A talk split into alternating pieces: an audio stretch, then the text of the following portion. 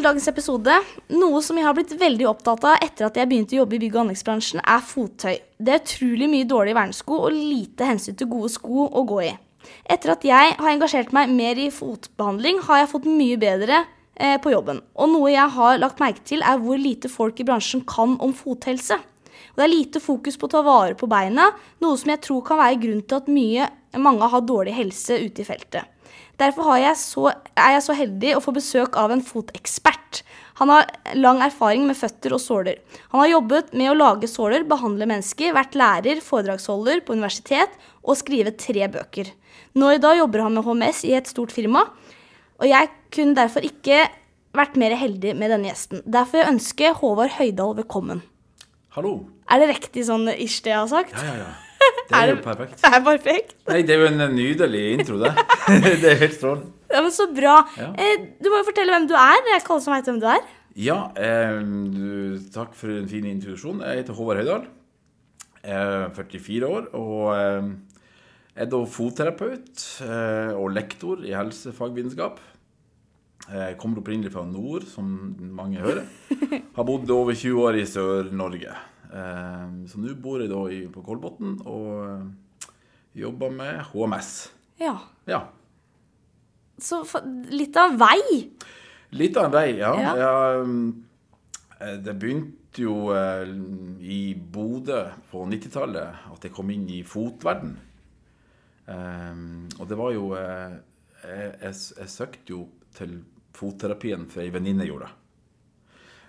Så det var ikke mer avansert enn det.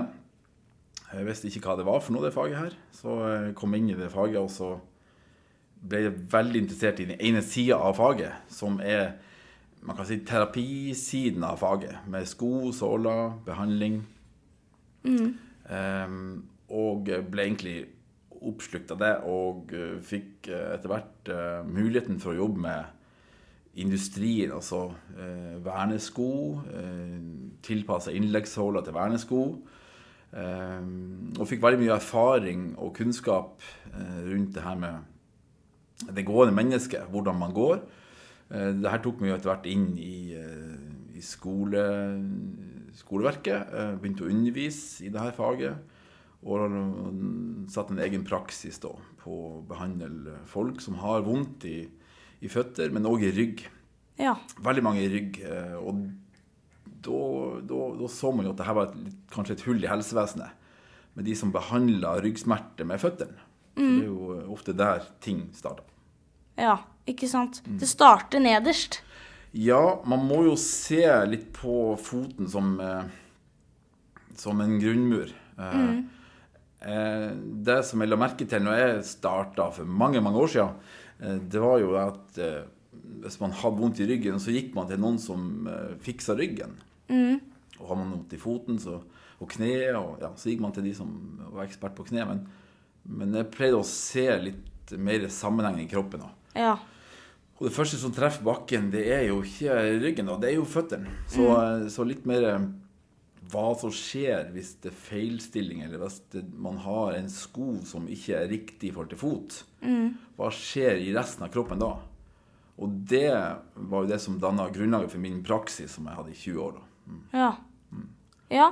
Nei, for jeg har jo blitt veldig engasjert i det her. For at jeg merka at når jeg begynte å jobbe mye ute og gå i de der på de harde verneskoa, så merka jeg det så veldig på beina da når jeg var ferdig og skulle gå og ta av meg skoa endelig, og så gå, så føltes det som en sånn gammel dame. Ja, men det virka så veldig. Det var så Jeg vet ikke, hovent vondt. Eh, Og så tenkte jeg her må jeg gjøre noe, så da begynte jeg hos eh, Karina, Ja, som vi, som vi begge kjenner. felles bekjent, ja. Ja, og behandle beina mine. Og hun kom med såler som jeg putta inn i, og så har jeg bytta på, da. Ja. bytter på litt sko i løpet av dagen og gjør liksom litt mer hva skal jeg si, tiltak. For, Gode, tips. ja, for at ikke jeg skal få så vondt. Og det funker jo. Jeg har ikke så har ikke noe vondt nå lenger. Og så De jeg jobber med, er det jo mange i den bransjen her som sliter med ryggen, og så mye knær. Masse knær. Eh, og da og det er fordi de er jo ikke så nøye med dette her med fot. De bare slenger på seg de verneskoa. Og, og de, om de har vært våte i flere døgn da, er ikke så nøye for de. Om de er tråkka ned eller Altså, ja. Nei, det, det, det, Du har jo noen gode observasjoner der. Og det er jo òg altså min erfaring Jeg begynte jo for noen og 20 år siden. eh, Og da så jo blant Altså skoen så litt annerledes ut òg. Men òg var de konstruert på en annen måte. Jeg vet jo at de som er levert innleggssåler til, eh, dems start på å lage en verneskomal, det var jo at bedriftseieren satte foten ned på et papir, og så tegna de rundt foten. Det ble malen til skoen. Ja. Såpass tilfeldig var det. Om han hadde plattfot eller hulfot. Da var det i hvert fall den malen som, som, som ble utgangspunktet. Så det som har skjedd i de siste årene, det at de kanskje har tatt litt mer hensyn til foten. Eh, Det er en lang vei å gå, eh, men enkelte skoprodusenter tenker mer på ergonomien og hvordan man beveger seg, hvordan foten er designa eh, i forhold til den skoen de skal lage. Du klarer ikke å, fange opp alle individualiteter, men du kan se på hvordan foten er konstruert, Ja. og så kan man lage en sko ut ifra det.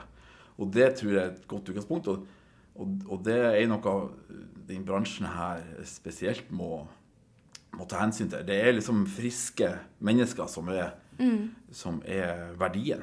Eh, Ja. I hvert fall der jeg jobber. Jeg jobber nå på, på jernbanen, og har vi ikke mennesker, så har vi ikke jobb. Så. Nei, og det er det jeg vil så gjerne ha litt mer fokus på det. For at når man eh, Ofte ikke vondt med det, men de som kanskje sitter inne, da. Som har HMS-ansvar og sitter inne, de skjønner kanskje ikke hvor viktig det kanskje er med de skoa ute, da.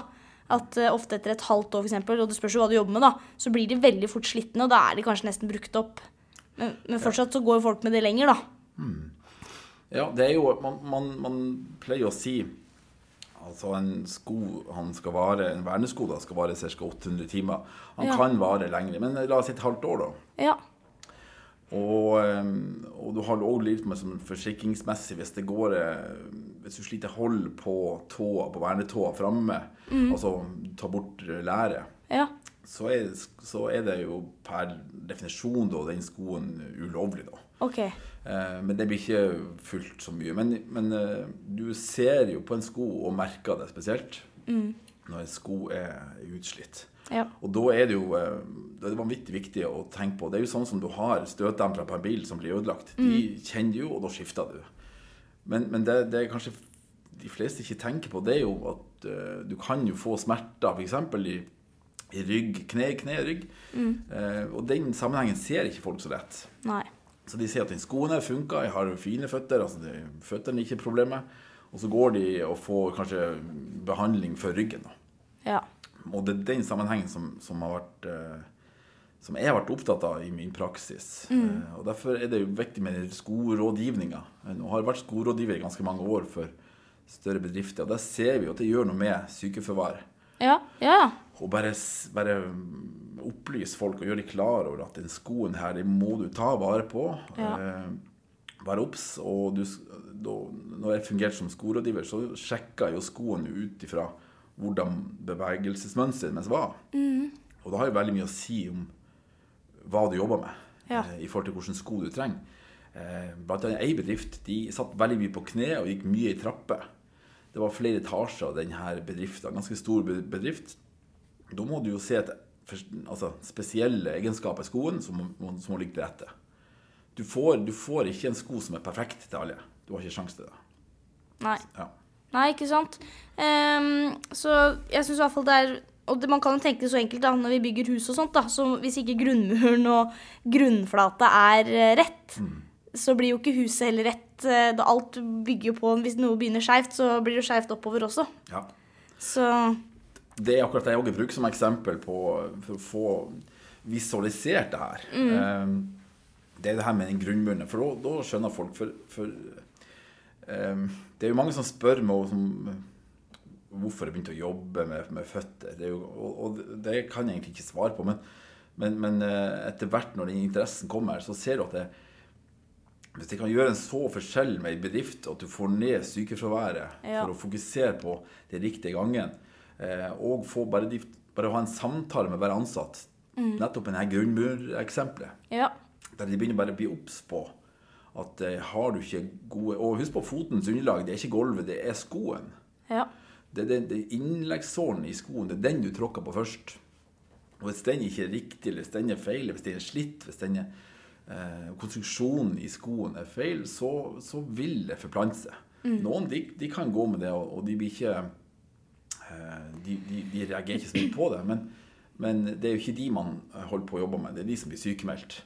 For du vet det skjer en, en forskjell, eh, og, det, og det, det er de som blir syke av det, som man må behandle. Og da er det fint med den forebyggende biten, kanskje, å, å legge noen gode rutiner på skobruken i Ja. drifta di. Og sånne rutiner, det trenger vi. Det For at, eh, det er fort gjort at uh, når man har vært ute en hel dag, så slenger man det bare bak i bilen, de skoa. Uh, og da blir de jo ikke tørre. Og så tar man de på seg da dagen etterpå. Eh, så det er veldig viktig å kanskje ta, sette i et rom hvor det er tørke, og ta ut sårene og kanskje riste de. Jeg vet ikke. Jo, og, og, det, er jo, det er jo veldig gode, gode tips der, for, for vi har jo testa sko der det kan ta mellom altså 60-70 opp til 90 timer for at en sko tørker 100 da. Å ja, det er såpass. Eh, og det er jo da selvfølgelig Da gjør vi det med vekt, og vi gjør det skikkelig for, for å se. Eh, men eh, hvis du da har en sko der du skal bruke altså hver tolvte time hvert, hvert døgn, da, så, så vil det være sko som aldri blir, blir tørr. Og det er jo det som er Da, da, da utsetter jo foten for et miljø som kanskje ikke er hensiktsmessig. Og det er mange sykdommer og hudlidelser som du kan få hvis du ikke har en tørr fot. Eh, som du kan gå i hver dag. Skoen blir også litt slitt når, når, når den er fuktig konstant. Så, så, så jeg pleier å, å, å, å, å si at man bør jo kanskje få eh, Altså Det er mange som, som får sko på, på jobben sin, og, og man bør kanskje få de to parene man får i året, da. Eh, de bør man få med en gang. Ja. For eh, du nevnte litt i stad, det her med å bytte på sko er veldig viktig. Ja. Og, og, det har en utrolig effekt i løpet av et år. Og kan ha en sko. Om noen bedrifter som jeg har vært i, de, de har begge på, på jobben, så de skifter til lunsj. Eh, og noen de har annenhver dag har de et nytt par sko. ja. Så da vet de at da får de et, eh, et, et sko som er tilstrekkelig tørka. Eh, I tillegg så er materialet Det har jo gått seg til igjen. Eh, og skoen varer jo like lenge. Det er samme økonomi om du velger to sko på en gang, eller om du velger et, Ja. en, et skopar hvert halve år. Så veldig, veldig Jeg vil anbefale at alle gjør det. Det Ja. vil være en god forebygging.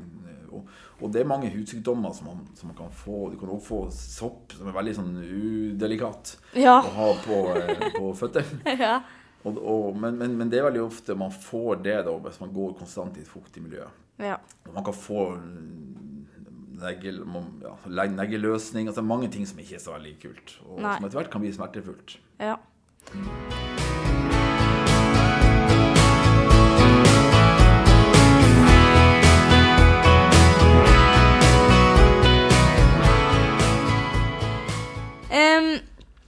Ja, og det er det Og så lurer jeg på under, i, i foten, under foten. Hva er det den består av? Hvorfor, det vi, hvorfor har vi liksom stortåa, og så rett under stortåa så er det en liten sirkel? Og så har, hva er liksom hele foten Ja, foten består jo av eh, knokler. Eh. Det står av 26 knokler. Det står av leddbånd, muskler og sener over 100 til sammen. Ja. Eh, og det her er jo et veldig komplisert og sammensatt design, da. Eh, du har jo òg leddreseptorer, som er eh, viktig å kommunisere. Det er altså så følsomme reseptorer som kan på under millimeteren eh, eh, registrere avvik. da. Ja. Hvis du får en, for eksempel, en høyning på en millimeter, og det har jeg jo gjort når jeg har behandla med innleggssår, så kan det være en millimeter fra eller til som avgjør om en person blir smertefri i ryggen eller ikke. ja. Så det er vanvittig følsomt. Og det er jo gjort undersøkelser på, i andre land der man går uten sko, mm. der man får en ganske hard såle under fot. Foten er fortsatt like følsom ja. eh, for små variasjoner. Da. Så eh, ja. Ja, så interessant, for jeg, nå, jeg, nå kommer jeg til det igjen, da. Mm. Men jeg har jo vært i Kenya i 14 eh, dager. ja. Og der var det ikke mye sko. Eh, Mange gikk barbeint, det var de fleste. Og var, ellers var det slipp, slippslapper, eller hva jeg skal kalle det. Ja. Og det var vel eh, det. ja. Eh, og de er like følsomme selv om de går såpass hardt med beina hver dag, liksom?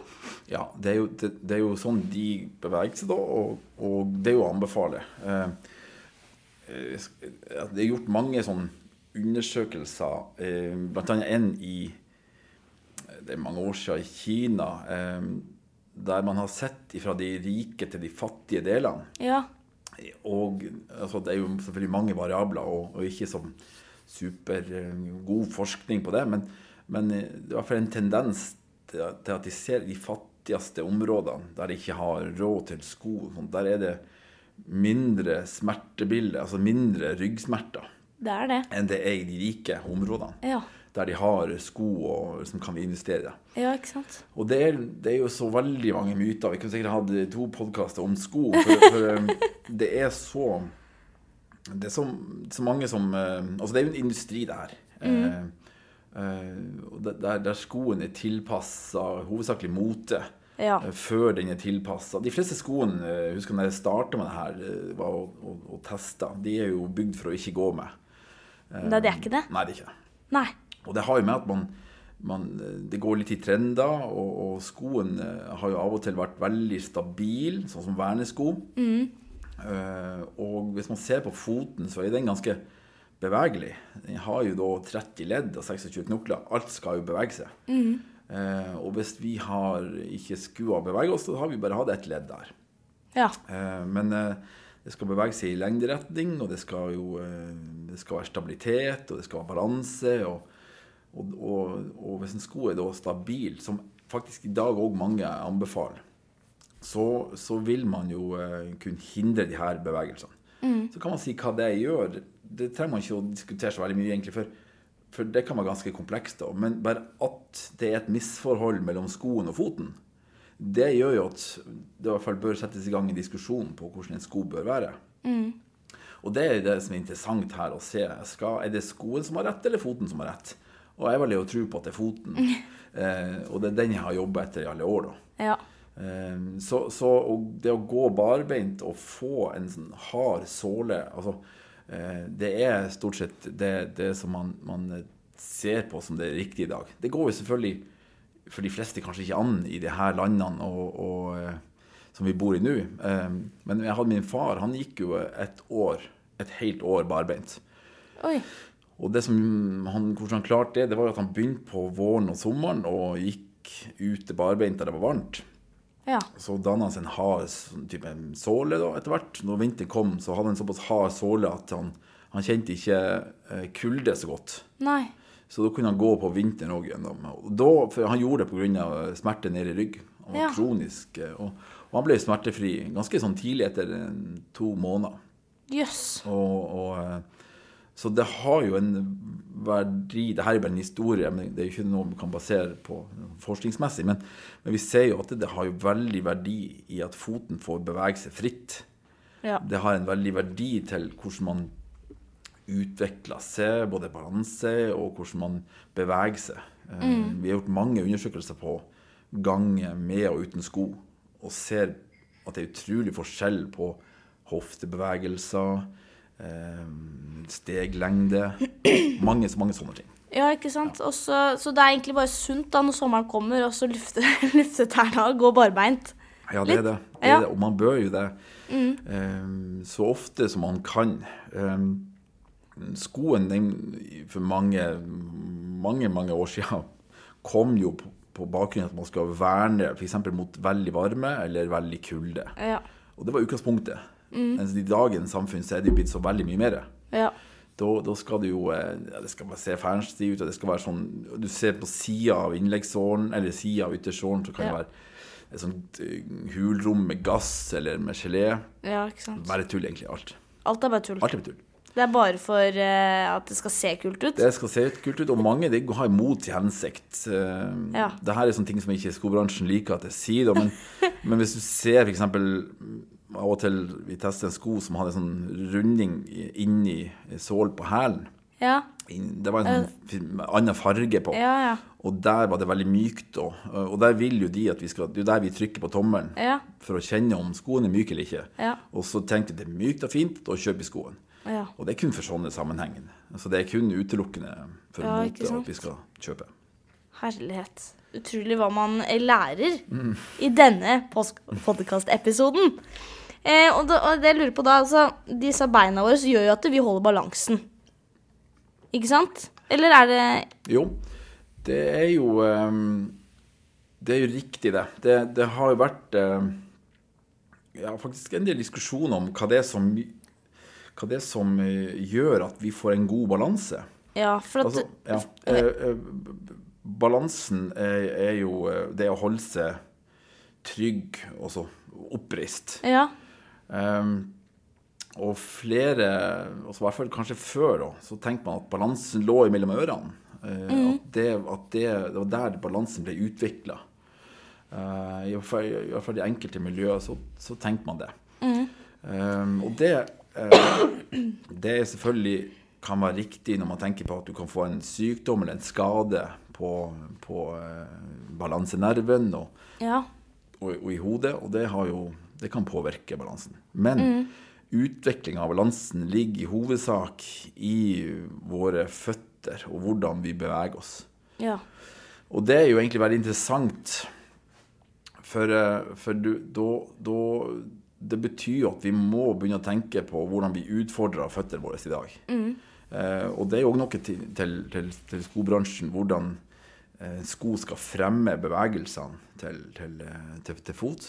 Eh, hvis vi ikke bruker føttene, og hvis vi går på et plant underlag, som veldig mange gjør i dag, så vil du jo miste en utvikling der. Ja. Og du vil få dårligere balanse og få dårligere Det er jo de her leddreseptorene eh, som, som tar opp alle bevegelser. ja. Og det er jo akkurat som hvis vi ikke trener eh, armene våre, så får vi ikke muskler. Nei. Eh, ikke det. og, og, og det er jo liksom jeg, Jeg tenker det er viktig å få fram det her med, med at, hvis man, hvis man, eh, hvis man har en, en sko, og den føles behagelig ut, så trenger det ikke være en riktig sko. Nei. Og det er ganske vanskelig som skorådgiver å argumentere til en pasient eller en, eller en eh, arbeider ute i pukket. For, Mm. eh, for foten skal ha litt påkjenning. Ja. Ikke sant. Og hvis han ikke får det, så vil, du, så vil en balanse gå tapt, f.eks. Ja. Um, så, så, så, så, så det er jo, er jo konklusjonen med at man må eh, utfordre og, og gi mer fokus på, på føttene. Ja. Og så har du det her med, med, med hvordan den er konstruert. Altså du har tærne. Eh, ja, for hva er, det, hva er dem sin oppgave? Hvorfor har vi de der rare tærne? ja, nei, det er jo Kan du si. Eh, de, de, de henger jo bare og slenger der. Ja, de gjør det. Eh, men de har jo litt med balanse å gjøre. Ok. Eh, men du kan godt klare det uten lilletåa og, og tå fire, eller ja, den tåa Ja, på ok. sida. Men stortåa er den viktigste tåa. Ja. Eh, og den er jo eh, på å si, gripetåa fra, fra gammelt. Mm. Altså, ja, fra, fra urmennesket. Så den, den skal jo sørge for at du får fremdrift når du går. Men de andre, det er jo mange som Hvis du har en sykdom, så amputerer du tærne, og de klarer seg godt. Kroppen klarer å, å tilpasse. Ja, ja, ikke sant. Det er helt utrolig hva den klarer, den kroppen. Ja, det er veldig, det er veldig fascinerende Ja. å, å, å se. Jeg har møtt mange pasienter som har ei og to tær. Ja. Og de klarer å etter hvert gå ganske bra. Det er veldig rart. å- I starten er det sikkert litt trening, holdt jeg på I å si. starten er det, det veldig Og det, det har jo òg med det her, de, reseptorene som vi snakker om, at Mm. de klarer å, å, å justere seg og, og finne mekanismer som gjør at du kan bevege deg fra A til Å Mm. med å bruke minst mulig energi. Ja. Og det er det som er hele målet med å gå. Ja. Det å, å, å, å eh, bruke minst mulig energi å gå. Og ser vi på den norske gangen, eh, så er vi nok ikke helt der. Eh, Nei. Da vi, vi har, jeg har filma i forskjellige byer i Norge og, og ser at vi har en ganske sånn eh, Flere da har en ganske sånn eh, uhensiktsmessig gange. Ja, så, så, Ja. så ja. ja, for det er litt interessant, for når jeg var nede i Kenya De som ikke hadde så mye eh, fottøy, kan man si, eh, de var jo så veldig sånn De er så bevegelige og rytmiske, og de har hofter og de har alt mulig. Så hver gang For vi måtte jo registrere passet vårt når vi kom på alle hoteller. Og da så de jo hvem som hadde bursdag, for det var de veldig opptatt av. Hvis det var noen som hadde bursdag, da skulle de synge bursdagssang og komme med kake. Ja. Og da kom de jo og sang eh, bursdagssang på dem sitt språk, eh, med et eller annet fra kjøkkenet som de lagde rytmer av, og kom ut og dansa, og med hofter, og de er jo så spretne og går jo så mye mer fint sånn, mens vi er sånne stive, hvite, hvite mennesker som kommer ned dit, og har jo ikke rytme. Nei. Er det liksom litt fordi at vi har stengt litt foten inn i disse fottøya, eller? Ja, det har nok sikkert ganske mye å gjøre. Eh, Det har nok sikkert med kultur å gjøre. Det har nok med selvfølgelig at vi bor oppe i et kaldt land. eh, eh, Men det har jo eh, Hvis vi skal gå tilbake til, til det jeg jobber med, eller det min, min, min praksis og, det jeg har observert, så ser jeg jo at vi har jo føttene aldri fri.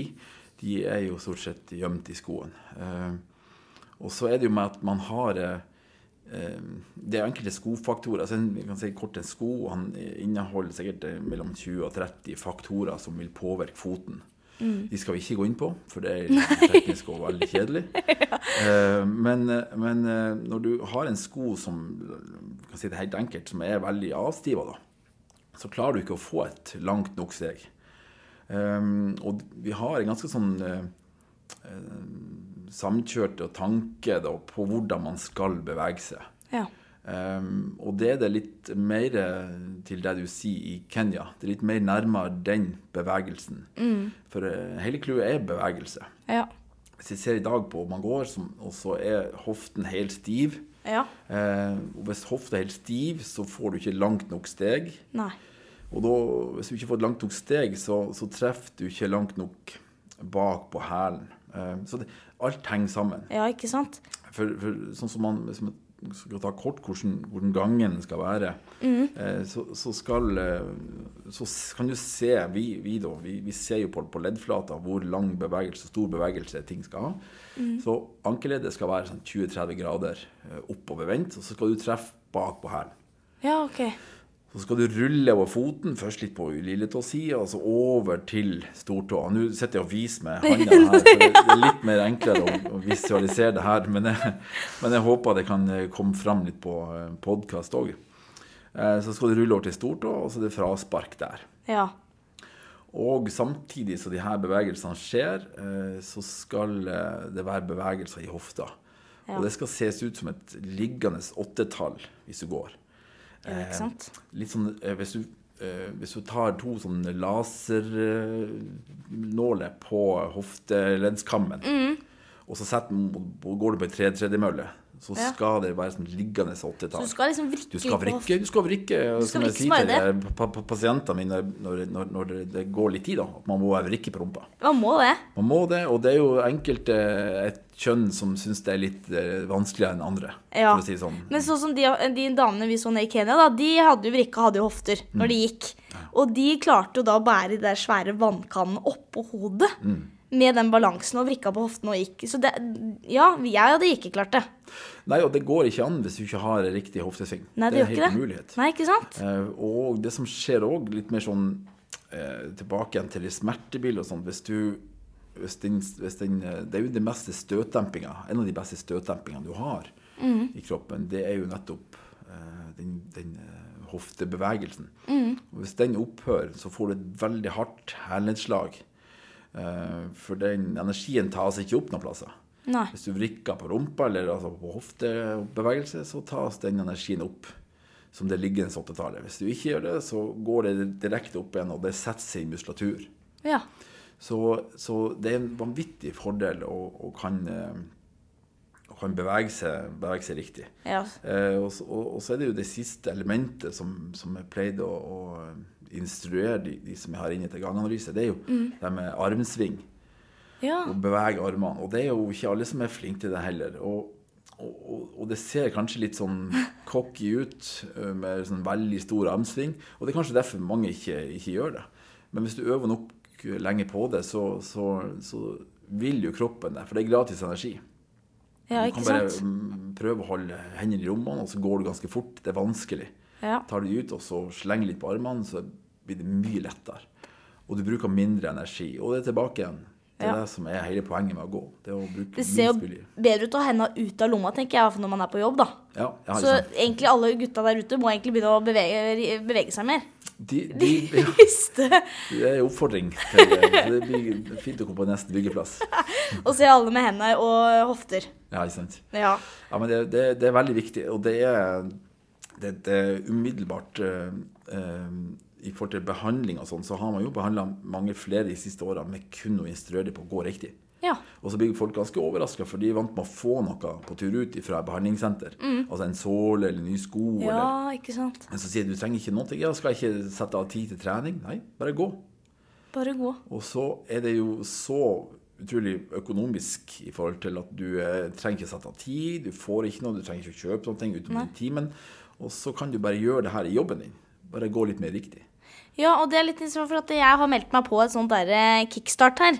Med trening. Ja. Det er den som Martin Jonsbu Sundby driver. Ja. Med Anette og dem. Hvis du har sett på den der 16 ukers helvete. Yes. Ja. Og de er veldig opptatt av å ha den der eh, 60 minutter, eller en time sånn powerwalk eller sånn gå fort eller sånn. Og da må du bruke de der armene og bein og hofter og alt. Så der får du den De er veldig opptatt av det der å gå og få med hele kroppen. Ja. Så der har, jeg, der har jeg lært det litt. Så jeg var litt forberedt på det, akkurat det tipset der.